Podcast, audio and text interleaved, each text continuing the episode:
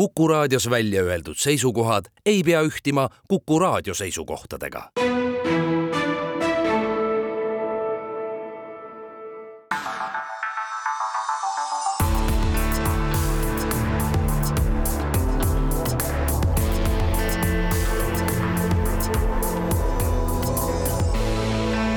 olukorrast ajakirjanduses head pärastlõunat, hea raadiokuulaja, head vana aasta algust. stuudios on jälle kaks vanameest, Rein Lang ja Väino Koorberg, Kuku raadio stuudiosse viinavabriku kõrval on üles pandud limonaadiautomaat meie istume siis selles automaadis ja niipea, kui meile on mikrofon sisse ette pandud ja sisse lülitatud, nii hakkab sealt kindlasti tulema midagi mürgist või midagi magusat. ja me kavatseme seda siis rääkida alanud aastas Eestis ja ajakirjanduses toimuva kohta et äh, me aasta viimasel päeval rääkisime vist Reinuga hästi palju, hästi palju sellest, et kuidas möödus meie äh, lõppenud aasta, aga aga nüüd on kõik inimesed söönud ära kõik, mis neil külmkapis on ja vaadanud ära kõik, mis neil televiisoris oli, et eh, nüüd me siis saame arutada, et kuidas me oma põhiliste aruteluteemade juures jõuame slaavi diskoni teleekraanil ja ja selle sinu südamelähedase teemaga, teemani, et miks jõulutuledes pealinn näeb välja nagu bütsantslik tort head vana aasta lõppu ka minu poolt ja rõõm on tõdeda, et viinavabriku korsten tossab. Nii et kõik ei ole veel kadunud. Jah, ma tundsin ennast kuidagimoodi väga halvasti siin aasta viimastel päevadel, ma, kuna ma elan maal ja satun linna harva ja hobusega, ja kui ma satun linna, siis ma avastan igasuguseid üllatusi enda jaoks. Ja kõige ebameeldivam üllatus tõepoolest oli Tallinna linnakujundus. Jõulutuled ja kõik sihuke värk, mis siis oli, noh, ta oli nagu mõõdutundetult kallilt üles pandud ja jättes sellise niisuguse vene linna mulje, niisugune külm valgus, eriti nendes sõlmkohtades nagu Vabaduse väljak. ja siis ma mõtlesin, et aga kuidas selline asi juhtuda saab vanas Hansalinnas, mis teatavasti on ju kuulus oma kootiarhitektuuri poolest ja siis, kuna kõik meie ümber toimuv on ju, nagu Jüri Lotman omal ajal seletas, on seletatav märkide keele ehk semiootikaga, siis ma tuletasin meelde Jüri Lotmani doktriine ja leidsin, et Tallinna linnakunstnik on asunud ametisse jõuliselt. ehk siis suruma peale ühte teist kultuuri, see, mis ei ole omane just nimelt sellele Kooti linnale ja ma sain sellele kinnitust ka siis uusaasta õhtu teleprogramme vaadates ja ma üldse ei tahaks hakata analüüsima seda ETV Plussi, mis oli noh, lihtsalt üks labane tavapärane kutsuv tuluke, aga see ideoloogia, selline ideestik, ülesehitus selle tobeda estraadi ja kulla ja karra ja vahuveiniga, see oli täpselt samamoodi kutsuv tuluke ka teistes, ka Eesti telekanalites. ja see teeb aga millest see tuleb, millest see tuleb, Rein, et, et, et no ühtepidi ma tahtsin ka ütelda, et sinu nagu vaade sellele öö, kesklinna väljanägemisele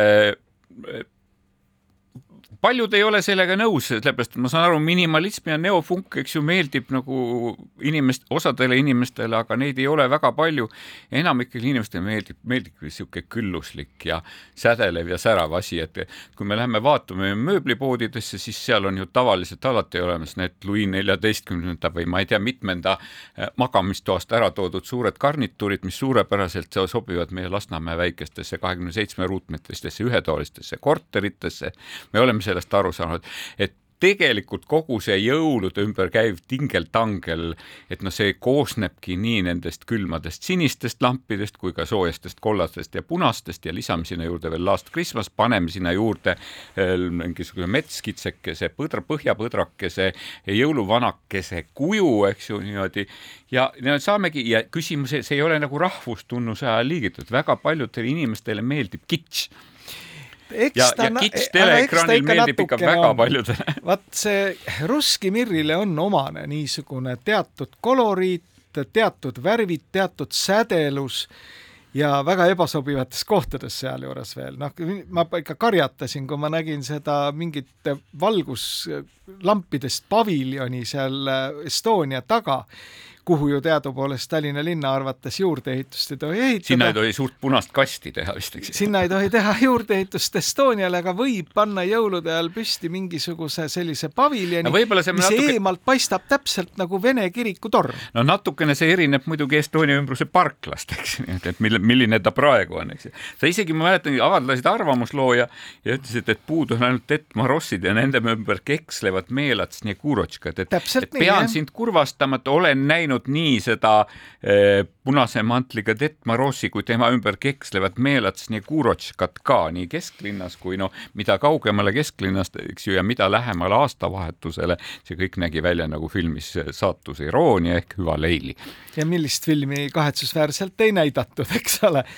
ega see on teatud osa mingisugusest kultuurist ja, ja kui nüüd vaadata seda Tallinna kujundust jõulude ajal, no ütleme nii, et ma ülearu palju ei tea, mismoodi Jekaterinburg nüüd välja näeb, kuna ise ei saanud sinna objektiivsetel põhjustel sõita, aga piltide peal on olemas sarnasus. ja see on tegelikult jah, selline avalikus ruumis selline noh, ülbitsemine, avaliku võimu ülbitsemine avalikus ruumis, me võime endale lubada niisugust kulda ja karda tohutult tulesid, mingeid Detmarosse ja Sneguratškaid, sellist pealetükkivat värki. ja ega see kutsuv tuluke, mis on ju, mida minu vanused inimesed mäle-, mäletavad Kesktelevisioonist uusaasta ööl, see on ju täpselt samasugune selline väljakutsuv, ülbe noh, soome keeles on hea, see on mahtipontaine. no aga, aga Rein, et kui me nüüd hakkame meenutama, et meil tõepoolest kutsub, noh, me võrdleme seda alati mingi kesktelevisiooniga, et noh, et Eesti Televisioon ka kaheksakümnendatel ja üheksakümnendatel ja kahe tuhandendatel on ikkagi nagu teinud seda niinimetatud väikest niisugust pseudopidulikkust, ma ei tea, kas vahuvein, mis on voolanud, on olnud ehtne, ma ei tea, noh, tõepoolest need sädelevad girlandid, mida seal nagu loobitakse, on nagu ehtsad, kas pärast korjatakse kokku ja pannakse televisiooni rekvisiitide laos, võetakse uuesti arvele. inimesed, kes muidu kunagi ülikondades ei käi, panevad ennast pidulikult riidesse ja teevad näo, et neil on lõbus. et noh, tavaliselt on need asjad salvestatud varem ette, et see on hambad ristis töö, et milline see aastavahetus võiks olla. tegelikult ma ütlen, mul on väga sümpaatne teinekord, see, me ei räägi küll aastavahetust, aga me räägime sellest pidulikust ajast, kus kus tegelikult kommertskanalid teinekord oluliselt ei püüagi nagu saada reitingu nagu liidriks, sellepärast et nad panevad eetrisse kõik need toredad filmid, mida me oleme valmis lõputult vaatama, alates helisevast muusikast ja Titanicast ja lõpetades nüüd siis viimati ka äh, Harry Potteri, Harry Potteriga. Ja, ja noh, teame, et, et sellel hetkel on televisioon puhas taust. Ja olgem ausad, kolmekümne esimesel äh, no küllalt on räägitud, et kas president peaks pidama kõne sellele süldikausist äh, pea just üles tõstnud televaatajale või mitte. Eks ju, noh, et me oleme jõudnud, et, et see on taust, eks ju, ja noh, sellisena tuleks seda võtta, et see on niisugune noh, vene keeles on ka selle kohta suurepärane termin kapustnik vist olemas, eks ma täiesti ühinen sinuga, et ega võib-olla ei peagi nii hirmsasti pingutama, no saati veel hakkama nüüd rääkima, et kolmekümne esimesel detsembril peaks olema telekanal täis teleajakirjandust. teleajakirjandust ja kindlasti nagu kultuurisaateid. jah, see võib-olla on pisut nagu palju tahta. küll aga just see semiootiline pool, sellest, need on need märgid, et missugune on see meie niisugune laiem kultuuritaust, sa kasutasid sõna kitsch, täiesti nõus sellega, aga kitsch jaguneb väga selgelt kaheks, üks on selline no russki mirrilik kitsch, kitsch ja see teine selline lääne tarbimiskultuurist äh, johtuv, johtuv kitsch. see, mida ma tegelikult tahtsin ka tähelepanu juhtida, on see, et kui mingi kaubanduskeskus selleks, et meelitada enda juurde ostjaid, ostma mingit Hiina rämpsu, eks ole, enne kolmekümne esimest detsembrit, paneb üles igasuguseid liikuvaid põtru ja, ja kummardavaid näärivanasid ja kurat teab veel mida, eks ole, siis see ongi turumajandus kui linn maksumaksja raha eest kaunistab linna mingisuguste imelike kujunditega ja ka sellise kulla ja karraga, siis ei maksa unustada, et see on maksumaksja raha, see maksab, see ei tule tasuta kellelegi kätte. ja küsimus, mida me selle eest siis teeme, kas me koristame linna nii, et vanatädi ei kuku ninali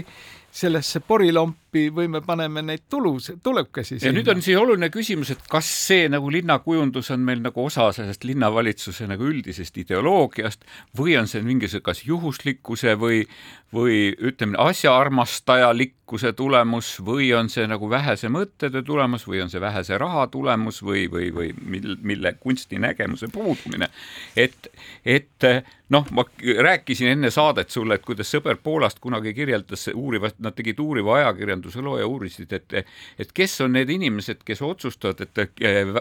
kurdeti väga, et Varssavi nagu uued rajoonid näevad väga koledad välja, et et, et värskelt ehitatud majad ja isegi ka värskelt renoveeritud majad on alati võõbatud mingi veidratesse lilladesse, violetsetesse, eh, roosadesse, niisugune luttunud roosadesse toonidesse. kes on need inimesed, kes otsustavad, mis värvi see maja tuleb, eh, see maja tuleb siis nagu värvida, et, et mis on selle arhitekti ja mis on selle disaineri mõttes ja kui nad olid seda nagu, nagu piisavalt jälitanud, seda ahelat, siis selgus, et see oli ehitusfirma sekretär, kes tavaliselt valis kõige odavama värvi. Et võib-olla juhtub meil selle linnaga täpselt samamoodi. võib-olla, aga vaata, mina tahaksin teada, vot demokraatlik asjaajamine ongi see, et ma tahaksin teada nende otsuste tagamaid. Et see, et linnavalitsus ka kujundab meie avalikku ruumi, see on mul teada, et linnavolinikud annavad selleks mingi siseku ja ütlevad, kas see neile meeldib või ei meeldi, need linnavolinikud on valitud, aga ajakirjandus on määratud seda üle valvet teostama, eks ole kirjutama sellest. mina ei, ei, otsisin tikutulega, ma ei leidnud mitte ühtegi materjali, mis oleks veidikenegi käsitlenud seda nii-öelda seda Russki Mirri Tallinna kujundust. järelikult ei ole see teema, järelikult kõik on sellega rahul. head ajakirjanikud, siin on teile töövõimalus, meie siinkohal teeme väikese pausi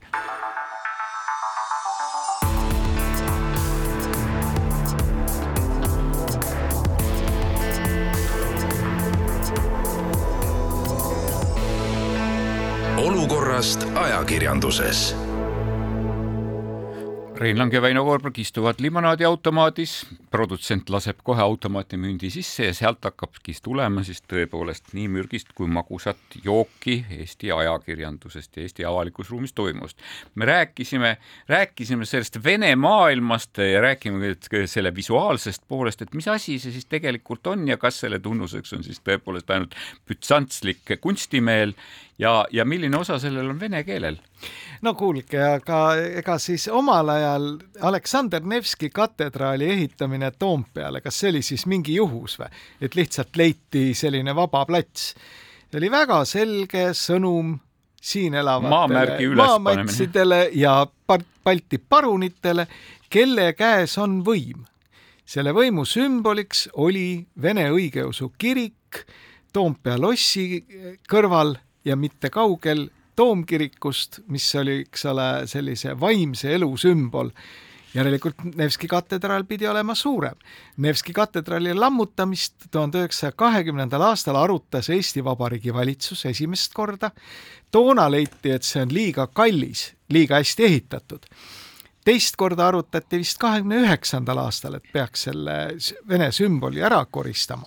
ja toona siis sekkusid ka muinsuskaitsjad, öeldes, et ei, ei, et noh, tegemist on ka ikkagi arhitektuurselt teatavat väärtust omava praegu objektiga. me näeme tegelikult Eestit äh, välisturistidele tutvustavatelt buklettidest alati seda pilti ja no, neid kauneid sibulkupleid. väga Aga... suur osa turiste jääbki sinnamaani pidama, vaatab Toompea lossi, vaatab seda kirikut ja seda toomkirikuni kunagi ei jõua, eks. no nii, aga seesama aastavahetus, seesama aastavahetuse programm, me rääkisime ETV Plussist, et mida väga selgelt äh, kõik arvustajad võrdlesid äh, ikkagi omaaegse kesktelevisiooniga või võrdlesid mingis mõttes ka Vene propagandatelevisiooniga, sest ega nemadki aastavahetusel maha jäänud, ka nemad nagu ret-, retrolainel, eks ju, lasid šampanjal voolata ja pildusid konfette ja, ja laulsid eh, kõigile armsaks saanud laule. et, et on toonud selle küsimuse, et noh, siin oli väga mitu nagu konflikti sellel teemal, et ühtepidi, et äh, Raekoja platsis oli kaunis jõulumaa, eks ju, seal juhuslikult mängiti venekeelset muusikat ja kõik läksid marru.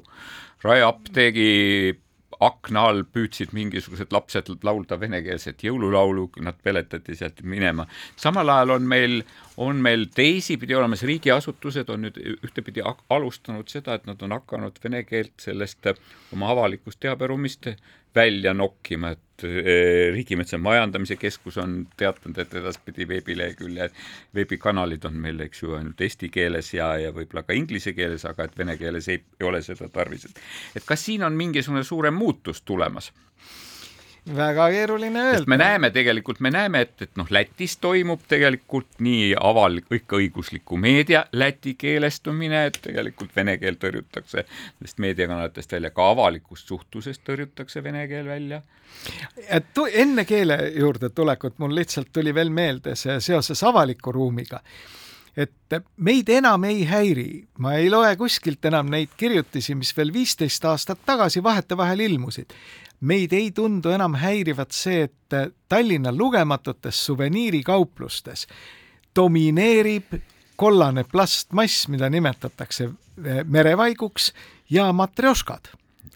kui hästi otsida, leiab sealt ka Putini kujulise matrjoška. leiab väga edukalt ja see meid enam nagu ei häiri, me oleme teinud selles osas juba sammukese tagasi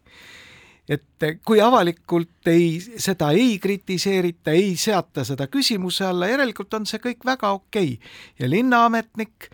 kelle kodune keel ei pruugi olla eesti keel, väljastab tegevusloa kauplemiseks teataval linnapinnal, mitte eramajas, vaid linnapinnal, just nimelt sellisele kaubale.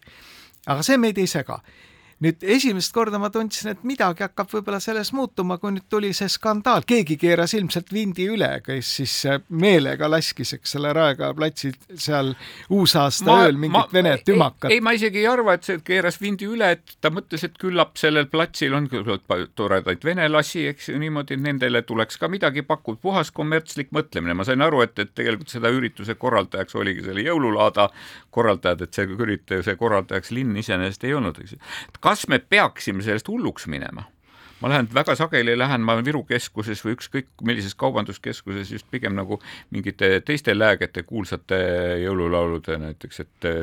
mis räägivad sellest, et kuidas viimase jõuluajal ma sulle oma südame kinkisin, tüüpi laulude peale lähen hulluks, sest ma ei suuda seda enam taluda. et kas me peaksime hulluks, kas me alati peame sellest nägema poliitilist sõnumit? no mitte vast alati, ega siis eh, russki mir ja vene kultuur ei ole võrdusmärki seal vahel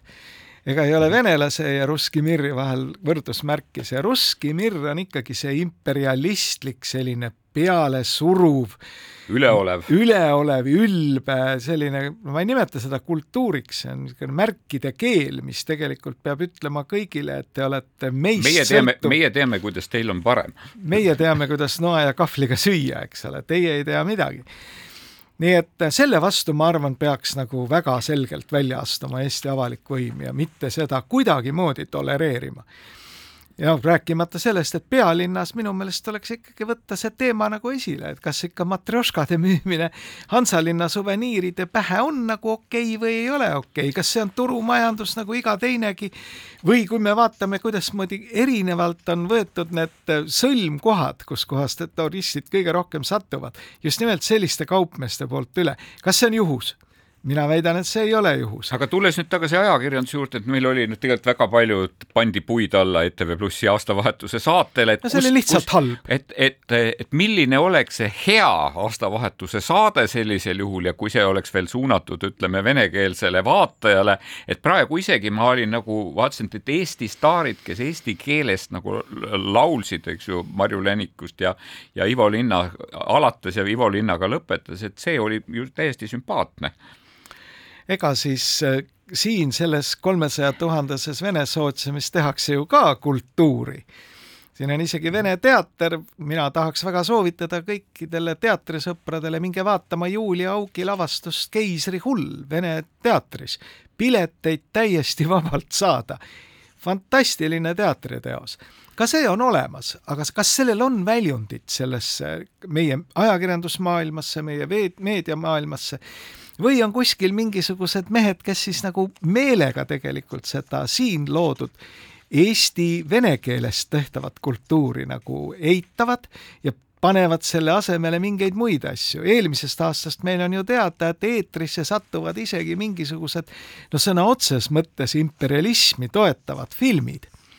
mis keegi on kuskilt need sisse ostnud, kes jällegi me täpselt keegi teada ei saa, keegi ei viitsi seda uurida, pärast tuleb mingi pahandus, keegi ütleb nagu umbes kesklinna vanem, et oh, teate, знаете, meil on sõnavabadus et see kõik allub sõnavabadusele ja mida te õiendate? no jaa, aga kas meie nagu ei, kas me ei balansseeri nagu teatavas mõttes noatera peal ka ütleme nende filmide ärakeelamisega, sellepärast et mingis filmis on keegi kaasa teinud, eks ju, tegelane, kes on, ütleme, kas toetab impeeriumeelset mõtteviisi või nagu siin juttu oli, diskoteka Avaria, kes on kantud, eh, kelle laulu siis seal Raekoja platsil näidati ja kes on kantud siis eh, Ukraina Mirotvoretsi andmebaasi, kus on, kuhu on kantud vist mingid sajad tuhanded inimesed, kaasa arvatud vist ligi viis tuhat ajakirjanikku, kes kõik on kajastanud tegelikult Vene, Vene-Ukraina sõda kahe tuhande neljateistkümnendast aastast saadik jah, aga Aleksander Nevski katedraalist mina ei teinud juttu niisama, ega siis see oli seal enne Eesti iseseisvumist tuhande üheksasaja kaheksateistkümnendal aastal. aga kes oli see loll, kes andis loa ehitada Lasnamäe Veerule uus sibulakuppel? Et see, ja, et see, see, see paistaks kõigile nendele, kes tulevad esimest korda Tallinnasse ilusa ilmaga, lähevad laevatekile ja vaatavad, oo selline tore vene kirik. Rein, kas sa esitasid praegu, kas see oli retooriline küsimus või sa esitasid selle küsimuse meie raadiokuulajale, et nad saaksid meiega ühendust võtta kõikide erinevate Kuku raadio kanalite kaudu ja sa paned auhinnaks välja kindlasti mingisuguse eh, tehismerevaigust mänguasja? jah, ei, soolakurgi. ei, selles mõttes, et ja, ja mis puudutab nüüd seda Russki Mirja, tegelikult ka seda nagu vene elanikkonna äh, integreerimist, eks ju, vene keeles, vene moel, eks ju, vene traditsioonidest lähtudes. et sellest kirjutas tegelikult Kaarel Tarand Sirbis, kus ta tegelikult äh, ütles, et selle vene keele laialdasele kasutusele meie ametkondades, meie institutsioonides, meie avalikus ruumis ei ole tegelikult põhiseaduslikku õigustust ja tegelikult tõstatas ta sealjuures ka, ka ajakirjanduse teema, kus ta ütleb, et Kultuuriministeeriumi kaudu liigub venekeelse sisu loomiseks ja turgutamiseks Rahvusringhäälingus ja ka erameediaettevõtetes riigieelarvest rohkem raha, kui kulub kogu eestikeelse kultuuriajakirjanduse ülalpidamisele et äh, suhteliselt morn võrdlus, kui hakata sellesse süvenema. minu südametunnistus jällegi siinkohal puhas, kuna mina olin kategooriliselt selle ETV Plussi loomise vastu omal ajal, jäin vähemusse, demokraatias tuleb sellega arvestada. nüüd see, mida ka mina omal ajal ette ennustasin, et seda ei ole võimalik to kvaliteetse toodanguga täita, on osutunud tõeks. see, et sinna ilmuvad perioodiliselt sisse mingisugused Ruskimiri materjalid, on osutunud ka tõeks. et kas see ikkagi tasus neid küünlaid, eks ole, et avalikku raha mat-, kaasata mingisse sellisesse üritusse, mille, mis tekitab rohkem probleeme, kui ta neid lahendab. no tavaliselt, tavaliselt seesama ETV kahe loomine ja ütleme ka ETV Plussi loomine on tekkinud nendel hetkedel, kus tegelikult sellesama podiseva pott, integratsioonipoti pealt on gaas ära lennanud, üks oli pronksiöö, kus kus me tegelikult nägime, et kuidas meie hästi integreeritud eh, venelased käitusid kriisiolukorras, eks ju. teine oli tegelikult siis, kui Venemaa alustas ikkagi Eh, sõda Ukraina vastu kaks tuhat neliteist, et mingil hetkel siis me tundsime, et nüüd me peaksime neid inimesi kuidagi paitama ja omaks võtma, et eks ju, et kas see on, no kas selliste kampaaniatega on üldse võimalik seda integratsiooni nagu teha ja noh, me siin ju räägime, taustal on ju seesama eestikeelsele haridusele üleminek, eks ju, mida me ei ole kolmekümne aastaga suutnud kuidagi saavutada, mida me nüüd just nagu pidulikult ütleme, et nüüd ometi oleme aru saanud, nüüd, nüüd homsest hakkab see olema. ja kus on tuhandeid probleeme, eks ole, ja no ütleme, et muljetavaldav oli ju eelmise aasta lõpupoole keegi Jaan Toots Narvast, kes ütles, et ei, no oleme üle küll, aga et palume nüüd lisaaega, et me jällegi ei ole mingites asjades siin valmis et, et kas me, mil, millal kas, me siis valmis oleme? et kas me lõpuks nagu, kas me lõpuks nagu jõuame selleni, et mingi osa meie ühiskonnast on kuidagi, elab omaenda maailmas, mis on väga vastuvõtlik sellele Russki Mirile tegelikult, sest seal, sellega kaasneb ka kibestumine, pettumine, eemalejäetuse tunne ja nii edasi ja nii edasi, eks ju niimoodi no see ongi see miljoni dollari küsimus ehk Vene küsimus siis Eesti ühiskonnale ja mul on nagu kurb vaadata, et ega selle üle nüüd üleaelu, üleaur palju ei, ajakirjanduses ei diskuteerita. pigem me oleme ikka seda meelt, et ah, las nad seal kuskil möllavad omaette, eks ole, ja kui ikkagi vesi ahju läheb, anname toetust ka natuke juurde, aga noh, see vist ei ole vist see, mida me kauges perspektiivis nagu õigeks peame. meie teeme siinkohal väikese pausi ja vaatame, kuidas vesi ahjust välja saab.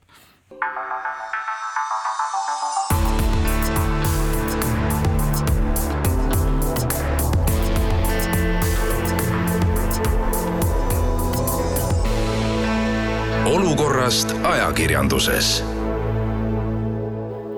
limonaadiautomaadis Kuku raadio stuudios istuvad Rein Lang, Väino Koorberg. võiks jääda mulje, et saate nimi on mitte olukorrast ajakirjanduses, vaid Kirillitsas Eesti, sest me oleme kogu saate jooksul rääkinud ainult Vene teemast. tahan sinna veel natukene puid juurde anda, et eh, tuli just, tulid mõni päev tagasi tulid uudised selle kohta, et kuidas eh, Venemaa enda televaatajate, raadiokuulajate, internetikasutajate silmis propagandasaated ja kanalid on rängalt vaatajaid ja tellijaid kaotanud, näiteks Vladimir Solovjovi show reiting on eh, vähenenud poolteist korda ühe aastaga, et see oli kaks tuhat kakskümmend kaks Vene top telesaadetes eh,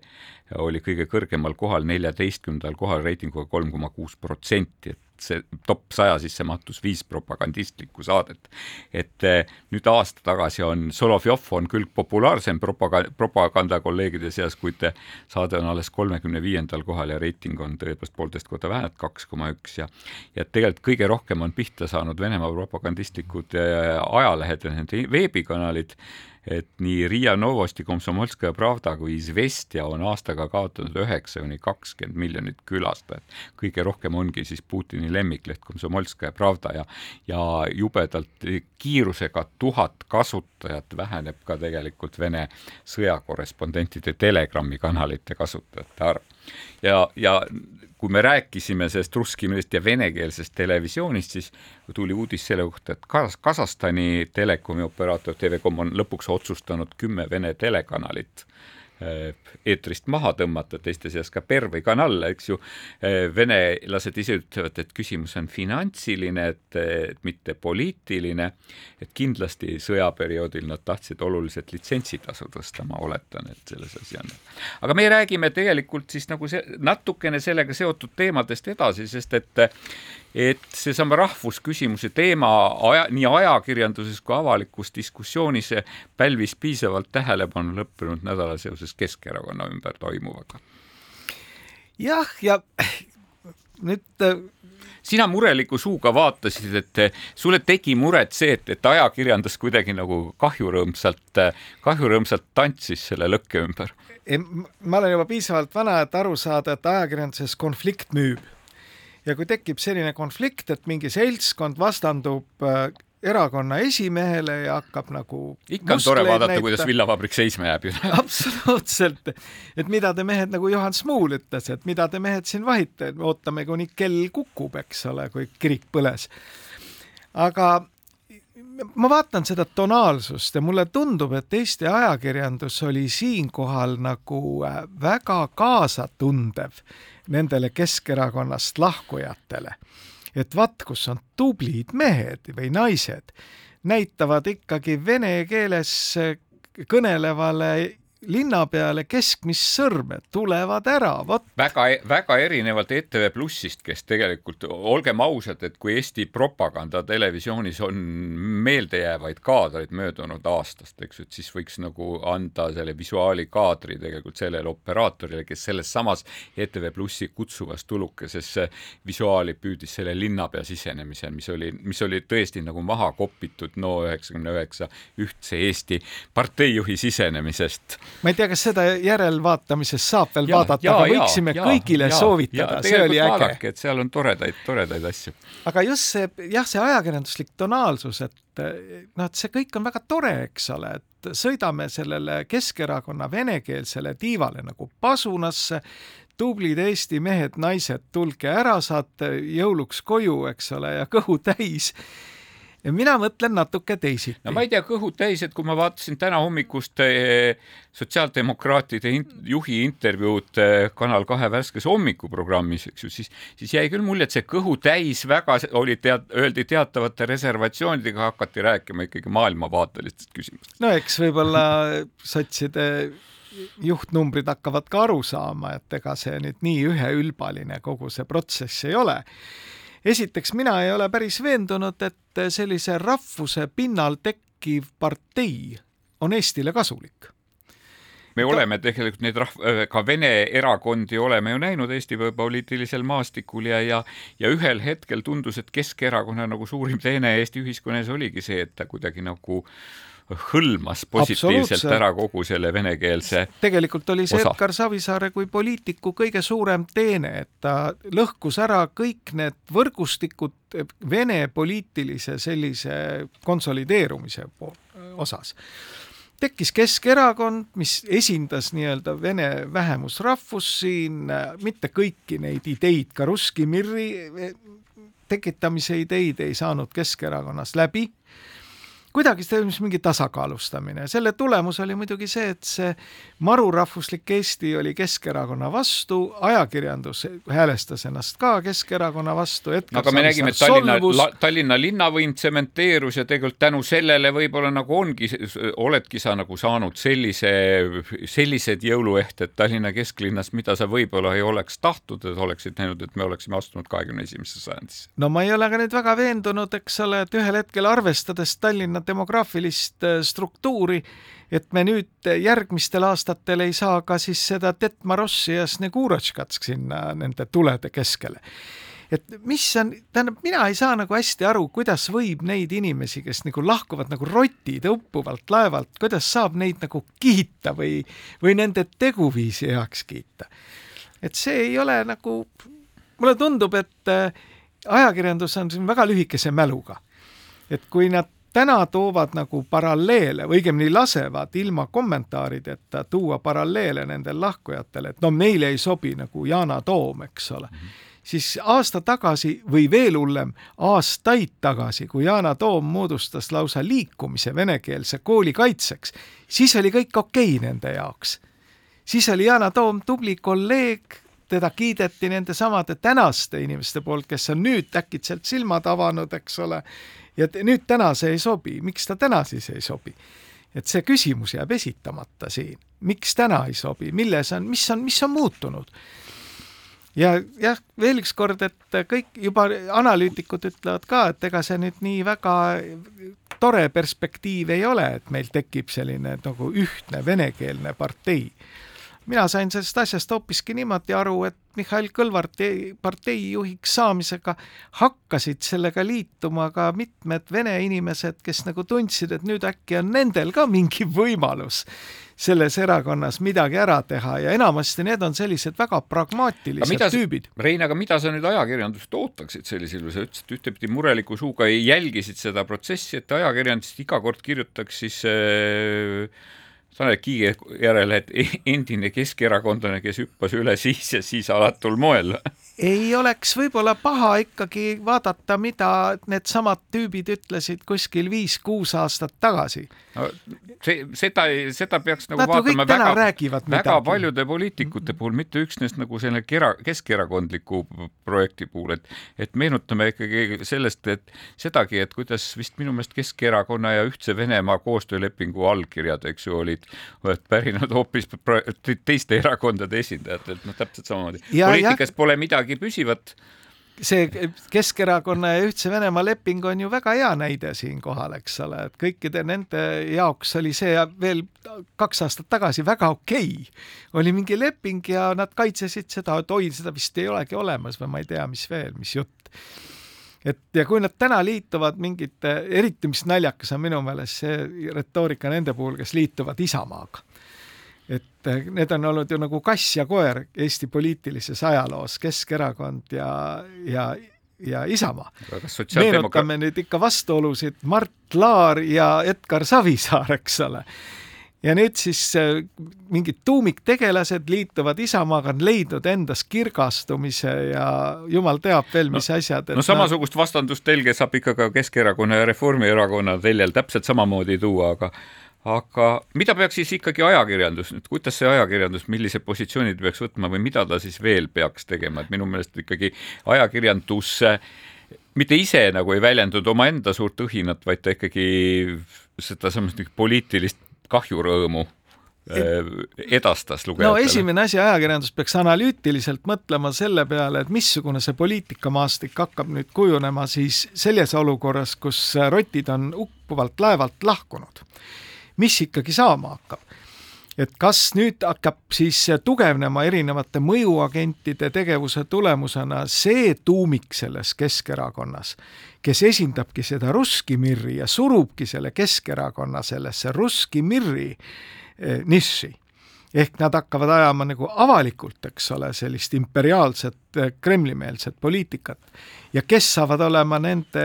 eh, võimalikud koalitsioonikaaslased siis teistes erakondades. et seda peaks mõtlema praegu ikkagi mitu sammu ette. ja kindlasti mitte nüüd vastandama, ega siis lõppkokkuvõttes see, millest me rääkisime ka Russki Mirri puhul, Russki Mirr ei võrdu vene kultuuriga ja ei võrdu kõigi venelastega. Eestis elab väga palju venelasi, kes ei taha Russki Mirrist mitte midagi teada on kategooriliselt tegelikult sellise ideoloogia, sellise esteetika vastu kui te seda ei usu, siis minge mõnesse Tallinna restorani, kus on seda kulda ja karda ja te näete, mida seal venelased räägivad. siinkohal püüame meie teha siis väikese teemamuutuse ja tuleme teie juurde tagasi pärast väikest pausi.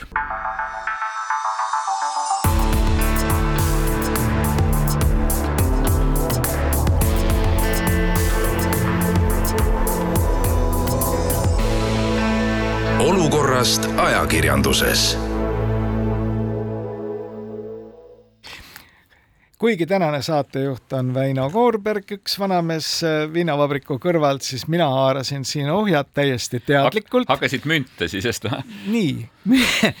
et limonaadiautomaat räägi nüüd kõik ilusasti ära, lugesin ajalehest, et sinust saab Meedialiidu äh, tasustatud töötaja, vastab tõele? No vastab tõele jah, et jaanuari lõpus tasun ma tööle Meedialiitu juhtima, ma ei tea, mis sellega seoses oluliselt ka-, kaasneb ja oluliselt muutub, et et Meedialiit on ju siis tegelikult Eesti meediaettevõtteid ühendav niisugune, kuidas ütleks, pisukene nagu äh, lobiorganisatsioon või, või ta ei ole üksnes lobiorganisatsioon, kuigi tema eesmärgiks on, on tõepoolest nendele ettevõtetele, Eesti ajakirjandusele, Eesti meediale tegelikult võimalikult soodsate tegutsemistingimuste loomine ja need võimalikult soodsad ei tähenda nagu eelisõiguste andmist, vaid just meie sellel turul pigem nagu võrdsete tingimuste loomist, sest et sellel tegu, turul tegutsevad äh, sellised tegijad, kes, kes juba praegu on nagu selle, kelle stardipositsioon on kolmkümmend meetrit meist eespool. me täna jooksis. väga pikalt sellel teemal ei peatu, kuna ja, Väino ei ole veel ametisse asunud, aga me räägime sellest kindlasti siis, kui sa oled ametisse asunud, mis asi on meedialiit ja kuidas teda peaks sööma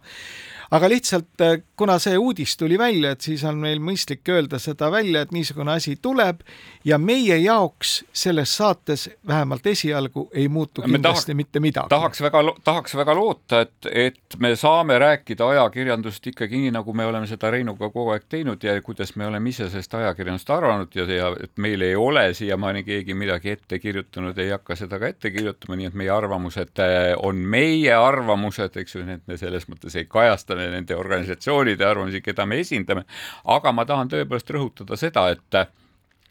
et ma saan kirglikult kaitsta ainult neid positsioone, millesse ma ise usun. Ja ma usun tegelikult et seesama Meedialiit esindab tegelikult olulisi ajakirjanduse põhiväärtusi. ta küll on, ta esindab meediaettevõtete ühishuve ja, ja selles mõttes lisaks ühishuvidele on igal ettevõttel ka erahuvid, eks ju, võib juhtuda, et, et kõik need organisatsioonid sajaprotsendiliselt ei sammu nagu ühte jalga, neil on tõepoolest ka omavahel kanu, kanu kitkuda, kuid, kuid nend-, ma usun nendesse ühishuvidesse ja, ja, ja tõepoolest nendesse probleemid, nende, et need probleemid, mis on üles seatud, et need vajavad ka lahendamist. igatahes kavatseme me jätkata nii kaua, kuni peatoimetaja meile kinga annab. peatoimetaja on kinga andnud ja ma olen palunud Reinu, et ta virutaks mulle raske esemega siin stuudios selles limonaadiautomaadis kohe, kui ma hakkan tegema tõelist promo otse-eetris.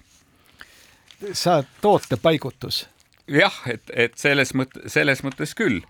et eh, millest me veel pidime rääkima, me rääkisime küll aastavahetuse saadetest, aga me ei jõudnud, me jõudsime väga põgusalt võib-olla korraks mainida ainult seda, et Kanal kahelt sellel ajal, kui Terevisioon nagu talvepuhkusel oli, et, et Kanal kaks tuli välja oma, oma uue hommikuprogrammiga, et me tegelikult siin äh,, Jüri Pihel on meil siin eetris sellest küll rääkinud, et kuidas see palju lubatud lapsukene siis nagu esimese pilguga tundus? Minu jaoks sümpaatne. Täna küll ei läinud neil vesi keema, aga, aga see ikkagi, see on nagu minu arvates üks teatud niisugune hea mõnus pärastlõunane priis meie telemaastikul. tehakse midagi uut, tehakse seda huvitavalt, tehakse väga inimlikus vormis. mina soovin tuult tiibadesse sellele saatele. ma olen sellise hommiku teleprogrammi suhtes Eestis olnud skeptiline sellepärast, et see turg on ju tegelikult ikkagi imepisike et kui me mõtleme, et Ameerikas lineaartelevisiooni suured kanalid panustavad kõige rohkem sellesse hommikuprogrammi ja no sellest on tehtud isegi äh, kõiki auhindus, auhindasid saanud seriaal Morning Show et see, sinna kulutatakse tohutult raha ja sinna tuleb tohutult raha. aga need on, see on ikkagi suurte turgude eripära. ja nüüd kujutame ette, et me teeme seda televisiooni rahvale eesti keeles ja rahvast ennast on alla miljoni. et kui palju nüüd on neid, kes viitsivad hommikul keerata lahti televisiooni ja nüüd kohvitassi või teetassi juurde telekat vaadata. no vot, omakeelne kultuur vist ongi kallis, eks ju, täpselt samamoodi, et kui me mõtleme seda, et, et meil igal hommikul, no ikka mitte igal hommikul, aga siiski viiel hommikul äh, nädalas, eks ju, see meile tuuakse tegelikult ühe kerge juturaamatu jagu eestikeelset ajakirjandusteksti, eks ju, tuuakse ühekordseks kasutamiseks otse ukse lävele kätte kätte, et siis noh, sellist luksust tõepoolest, eks ju, saavad lubada endale väga rikkad riigid ja ma ei pea selle rikkuse all isegi no nii majanduslikult kui ka kultuuriliselt. aga ta on ka ju korralik turunduskanal, et ja. ütleme, need inimesed, kes hommikul, kellel on see võimalus vaadata hommikul hommikutelevisiooni, pühendada sellele see kakskümmend, kolmkümmend minutit oma ajast, need on üldiselt ka ikkagi tarbijad. ja see on üks kanal, mille kaudu igasuguseid tooteid ja teenuseid saab turundada. ja kui seda teeb kommertskanal ausas vormis, minu meelest on see igati toetatav. kui seda siis, tehakse jah. ma mõtlen, kas täna, kas täna turundati siis akupankasid või veekeetjaid? no jah, aga, aga võrdleme nüüd seda, eks ole, seda Eesti Rahvusringhäälingu värki, kus aeg-ajalt lipsab läbi mingisugune tootepaigutus, noh, kaamera sõidab kellegi käis ja reväärile, kus on mingisugune firma nimi või mingi niisugune totrus, eks ole, et noh, pange selle firma plaate endale põrandale. ja see on niisugune varjatud sulitsemine, et seda ju Kanal kaks ei pea tegema, tema ongi nagu kanal, mille kaudu niisuguseid asju tulebki teha. ei, mulle meeldis see, mulle meeldis see niisugune, niisugune vaba mõtlemine, võib-olla veel nagu hommikukohvi laualikumaks võiks see asi minna, aga mulle meeldis esiteks see helge visuaal ja mulle meeldis, et tõepoolest, et seal oli natukene niisuguseid eksperimentaalseid või ringvaatelikke elemente selle asja juures, nii et me jääme nagu väga huviga ootama, kuidas see, kuidas see televisioon välja näeb. no igal juhul on nüüd tekkinud ju ka televaatajal võimalus võrrelda. ja arvatavasti see konkurents sunnib tegelikult pingutama ka neid eh, seniseid hommikutelevisiooni, televisiooni tegijaid, nii et võidavad kõik. no mina jään suure huviga ootama, millega vastab Rahvusringhääling nüüd, et eh, Rahvusringhääling, me oleme seda mitu korda oma saates ju käsitlenud, et Rahvusringhäälingu mentaliteet on see, et nad peavad maksku, mis maksab Kanal kahega konkureerima et see tundubki olema nende tootmisnõupidamiste põhiteema, et kui Kanal kaks midagi teeb, siis nemad peavad sellele reageerima, mis ju iseenesest seaduse järgi nii ei ole, nad võiksid no sa võiksid, jah, Rein, sa oled jõudnud omal selle suurepärasele relsile praegu, et kus sa võiksid nagu sõita ja sõita pikalt, eks ju. rahvusringhääling tuli ka korraks möödunud nädalal teemadesse üles ühtepidi siis, kui Vilja Kiisler tegi intervjuud Rahvusringhäälingu juhi Erik Roosega esitades talle tegelikult neid noh, küsimusi, mis olid jätkuvalt õhus, millest me ka aastavahetusel ütlesime, et kõik, mis puudutas selle kinoteatri õhtuse vööndi saate äh, ärakeelamist või eetrisse mitte lubamist, eks ju, kus me võime jääda seisukohale, et selle kunstiline väärtus võis olla küsitav, kuid selle ärakeelamise nagu mõju oli Rahvusringhäälingule suurem ja negatiivsem, kui me nagu esialgu arvata võisime. aga ta ei andnud nagu häid vastuseid, ta, ta nagu mina ütleks küll, et ta nagu keerutas ja, ja ta hiilis, ta kogu aeg nagu toetus kellelegi teisele ja jäi, peitis ennast kellegi teise ütlemise, sõna või, või vastamise kohustuse taga, taha. no mina tõmbaks sellele kinoteatri asjale nüüd nagu joone alla, et me tegelikult oleme lahanud juba teist saadet siin ühte mingit ebaõnnestunud teleprojekti, et pole mõtet sellele väga palju aega kulutada. küll aga mida mina loodan, et selle Kanal kahe aktsiooni pealt kõik need ka need eh, toodete ja teenuste omanikud, kes vajavad seda telepromo, vajavad oma turunduskanalit, et need lähevad nüüd ka sinna Kanal kahte, et nad ei pea enam siis hommikutelevis-, ERR-i hommikutelevisiooni toimet-, kellegi tut-, tuttava juurde minema, minema, kes siis tunneb kedagi, kes omakorda tunneb kedagi, kes sinna selle kohvipaki lauale sokutab, eks ole et see asi peaks minema nagu selgemaks ja kui tõesti ka ettevõtjad saavad aru, et neil on tekkinud selline kanal ja nad loobuvad sellest ERR-i teenustest, siis ERR saab omakorda saaks, see on küll tingiv kõneviis, ju täiustada oma seda hommikuprogrammi selles suunas, mida teeb näiteks Soome Üleisraadio, millest jällegi ju televaatajad nagu võidaksid. nii et jääme suure huviga ootama, millega ERR vastab et eh, huviga jääme ka jälgima seda siis tõepoolest, et mis hakkab saama uue reklaamiseadusega, sest Majandusministeerium on teada andnud, et ta hakkab jälle reklaamiseadust ringi tegema, et, et ühtepidi täpsustada, mis asi on reklaam, et kuidas reguleerida reklaami sellistes kanalites, et kus vana reklaamiseaduse järgi näiteks on kehtestatud, et alkoholireklaami saab, alkoholi saab reklaamida ainult õhtusel ajal, aga mis juhtub järelevaatamisega, kui suurem osa televaatajaid sedasama saadet hommikul kõikide laste juuresolekul järgi vaatab, või kuidas nagu reguleerida sedasama kellaajalist reklaami sotsiaalmeedias, mis tegelikult ei ole üldse praegu reguleeritud, või et kes on needsamad influents-, influencer'id ja mõjuisikud ja kuidas neid saaks reguleerida. pisut murelikuks tegi mind selle teema juures see, et, et loomulikult öeldi, et tuleks natukene rohkem saada, rohkem saada regulaatoreid, kontrollijaid, kontrolliõigus ja saaks teha suuremaid trahve, suuremad trahvid tegelikult vist on juba nagu novembrikuust meil siin lubatud. et jääme seda väga huviga vaatama ja tegelikult teine asi, mis puudutas televisiooni, tekitas minus ka kerget kõhedust, oli see, et Justiitsministeerium äh, vaagib seda, et kas anda Tarbijakaitse ja Tehnilise Järelevalve Ametile õigus nõuda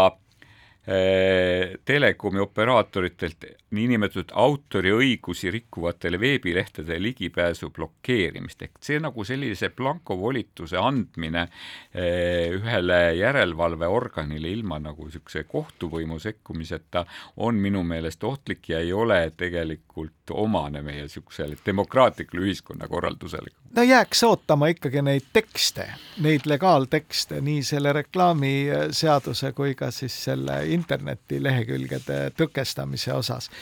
et ma ei ole nüüd ülearu kindel, et äh, justiitsministeeriumis leidub palju neid ametnikke, kes tahaksid sellist äh, noh, ütleme tsensuuriga äh, sarnanevat instrumenti luua aga jääme ootama. ja jätkuvalt on vastuseta, võib-olla saame järgmiseks nädalaks vastuse küsimusele, et kas Vladimir Putin esitas oma uusaastakõne ise või oli see lihtsalt tehisintellekti poolt genereeritud, sellepärast et selle kõne jooksul te televaatajad täheldasid, et tema pea püsis kehast veidralt lahus, et miks seda vaja oli, et kas ta on tõesti külmkapis, nagu väidab üks äh, politoloog härra Solovei, sellele saladusele ootaks vastust meie meediakolleegid, et meie saade siinkohal on läbi, loodame kohtuda nädala pärast, oma tervituslaulu tahaksime saata siis tegelikult nii Kaja Kallasele kui Andrus Ansipile, kõik, kes äh, lõbustasid äh, lehelugejaid, televaatajaid, veebikülastajad selle limonaadi, limonaadi automaadi teema juures, äh, ansambel Koer ja Maiu on piimaauto, kohtumiseni